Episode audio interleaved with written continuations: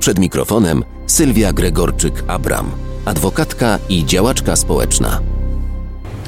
Dzień dobry. Dzisiaj Państwu chciałam powiedzieć o temacie bardzo aktualnym, o temacie uchodźców, którzy, jak Państwo wiecie, oczekują na takim pasie pomiędzy Białorusią a Polską. Próbują wedrzeć się, bo nie ma tak naprawdę na to innego słowa, rozpaczliwie na terytorium Polski po to, żeby uzyskać ochronę międzynarodową.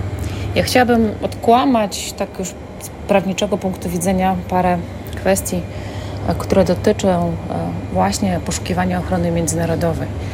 Nie dajmy się zwieść, że to strażnik graniczny ma tę moc e, i to prawo do decydowania w pełni o tym, czy dana osoba może wejść na terytorium danego kraju, czy nie. Oczywiście on jest tą osobą, która weryfikuje tożsamość. Natomiast prawo mówi bardzo wyraźnie: każdy, kto poszukuje ochrony międzynarodowej, kto mówi o tym, że ucieka, że jest uchodźcą, że grożą mu tortury, że grozi mu nieludzkie traktowanie, powinien być wpuszczony na terytorium Polski. Powinien być tu wpuszczony, następnie umieszczony w ośrodku dla uchodźców i tu powinien nastąpić proces weryfikowania tego, co e, powinno się zdarzyć, czyli weryfikowania e, tożsamości e, tych e, osób.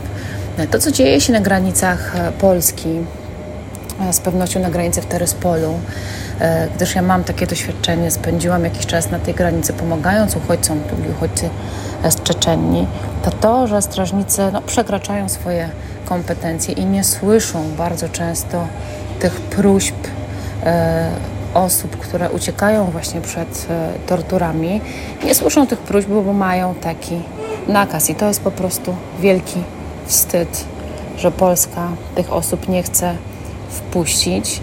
E, na granicy są organizacje pozarządowe, jest Fundacja Ocalenie. E, szukują się też adwokaci, którzy będą próbowali pomóc osobom, które poszukują ochrony międzynarodowej wejść na terytorium Polski, to zazwyczaj odbywa się w taki bardzo e, skrupulatny sposób. Adwokaci dostają informacje od osób po drugiej stronie, znają ich imiona, znają ich nazwiska, znają ich historię. To wszystko jest spisane, tam pomagają po drugiej stronie organizacje białoruskie i następnie, kiedy już, e, kiedy już mamy taką historię, staramy się żeby pokazać ją strażnikowi granicznemu i staramy się dyskutować, żeby, żeby tej ochrony Polska udzieliła. Z tym jest bardzo różnie, bardzo często pełnomocnicy nie są wpuszczani na terytorium, na, na teren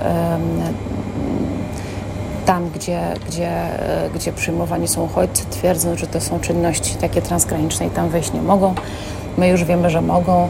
E, było już kilka spraw i przed Europejskim Trybunałem Praw Człowieka i przed sądami polskimi, które mówią o tym, że taka osoba może mieć pełnomocnika, e, będąc tam w tej strefie granicznej. Jest to procedura administracyjna. Takiego pełnomocnika, takich adwokatów się im notorycznie odmawia. Śledźcie Państwo sytuację na granicy, w, teraz, e, no, w ogóle na granicach Polski, na granicach z Białorusią. Tam są organizacje, tam są posłowie, E, tam są i będą e, adwokaci. Nie możemy spuszczać z oczu tego, co tam się dzieje, bo tylko nasza kontrola, taka społeczna i nasze oczy tam zwrócone mogą tym ludziom pomóc i musimy zachować się właśnie jak ludzie, jak e, kraj, który jest otwarty e, i chce pomóc tym, którym naprawdę grozi śmierć, naprawdę grożą e, tortury, naprawdę grozi nieludzkie traktowanie na www.haloradio ukośnik SOS. Wspieraj niezależne Halo Radio, które mówi wszystko. www.halo.radio ukośnik SOS. Dziękujemy.